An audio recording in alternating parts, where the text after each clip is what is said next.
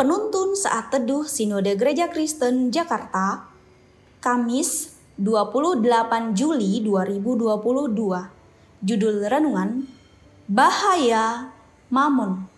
Nats Alkitab terambil di dalam kitab Matius pasal 6 ayat 24 sampai 25. Tak seorang pun dapat mengabdi kepada dua tuan, karena jika demikian, ia akan membenci yang seorang dan mengasihi yang lain, atau ia akan setia kepada yang seorang dan tidak mengindahkan yang lain. Kamu tidak dapat mengabdi kepada Allah dan kepada Mamon. Karena itu, aku berkata kepadamu, janganlah khawatir akan hidupmu, akan apa yang hendak kamu makan atau minum dan janganlah khawatir pula akan tubuhmu, akan apa yang hendak kamu pakai. Bukankah hidup itu lebih penting daripada makanan, dan tubuh itu lebih penting daripada pakaian? Promosi-promosi sebuah investasi yang menghasilkan uang secara cepat memang tidak ada berhentinya. Ada yang berkedok multi level marketing, asuransi, belakangan juga investasi alat kesehatan. Tawaran yang diberikan adalah dengan modal yang sangat sedikit bisa menghasilkan untung berkali-kali lipat. Nahas bukan untung, malah buntung yang mereka dapatkan. Hal itu terjadi ketika uang modal yang mereka setorkan malah dibawa kabur oleh pemilik investasi abal-abal tersebut. Saya sangat berempati kepada korban investasi bodong itu. Namun, di sisi lain juga menyayangkan hati mereka yang terbuai dengan uang.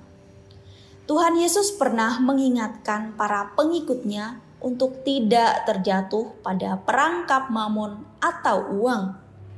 Yesus berkata, tak seorang pun dapat mengabdi kepada dua tuan. Karena jika demikian, ia akan membenci yang seorang dan mengasihi yang lain, atau ia akan setia kepada yang seorang dan tidak mengindahkan yang lain. Kamu tidak dapat mengabdi kepada Allah dan kepada Mamun. Ayat 24 Orang-orang yang mengabdi kepada Mamon mempercayakan seluruh hidupnya pada uang, bukan pada Tuhan. Tidak heran apabila orang-orang tersebut sering mengalami depresi, putus asa, dan khawatir karena merasa kekurangan uang. Mereka menaruh perhatian yang berlebihan kepada uang sampai mereka gagal menaruh keyakinan dan pengharapan yang sepantasnya kepada Allah. Tidak heran apabila orang yang mengabdi kepada Mamon ini mencari uang kesukaan mereka itu dengan cara-cara yang jahat. Mereka menipu, mencuri, menggelapkan uang orang lain, korupsi, dan lain sebagainya. Jadi, Yesus mengajarkan pengabdian kepada Allah. Mereka tidak perlu khawatir karena Allah akan memelihara mereka. Ayat 25. Allah yang akan memenuhi semua kebutuhan mereka. Saya teringat perkataan Paulus dalam Filipi pasal 4 ayat 19. Allahku akan memenuhi segala keperluanmu menurut kekayaan dan kemuliaannya dalam Kristus Yesus. Memang benar, Tuhan Allah adalah penolong yang pasti dalam hidup kita.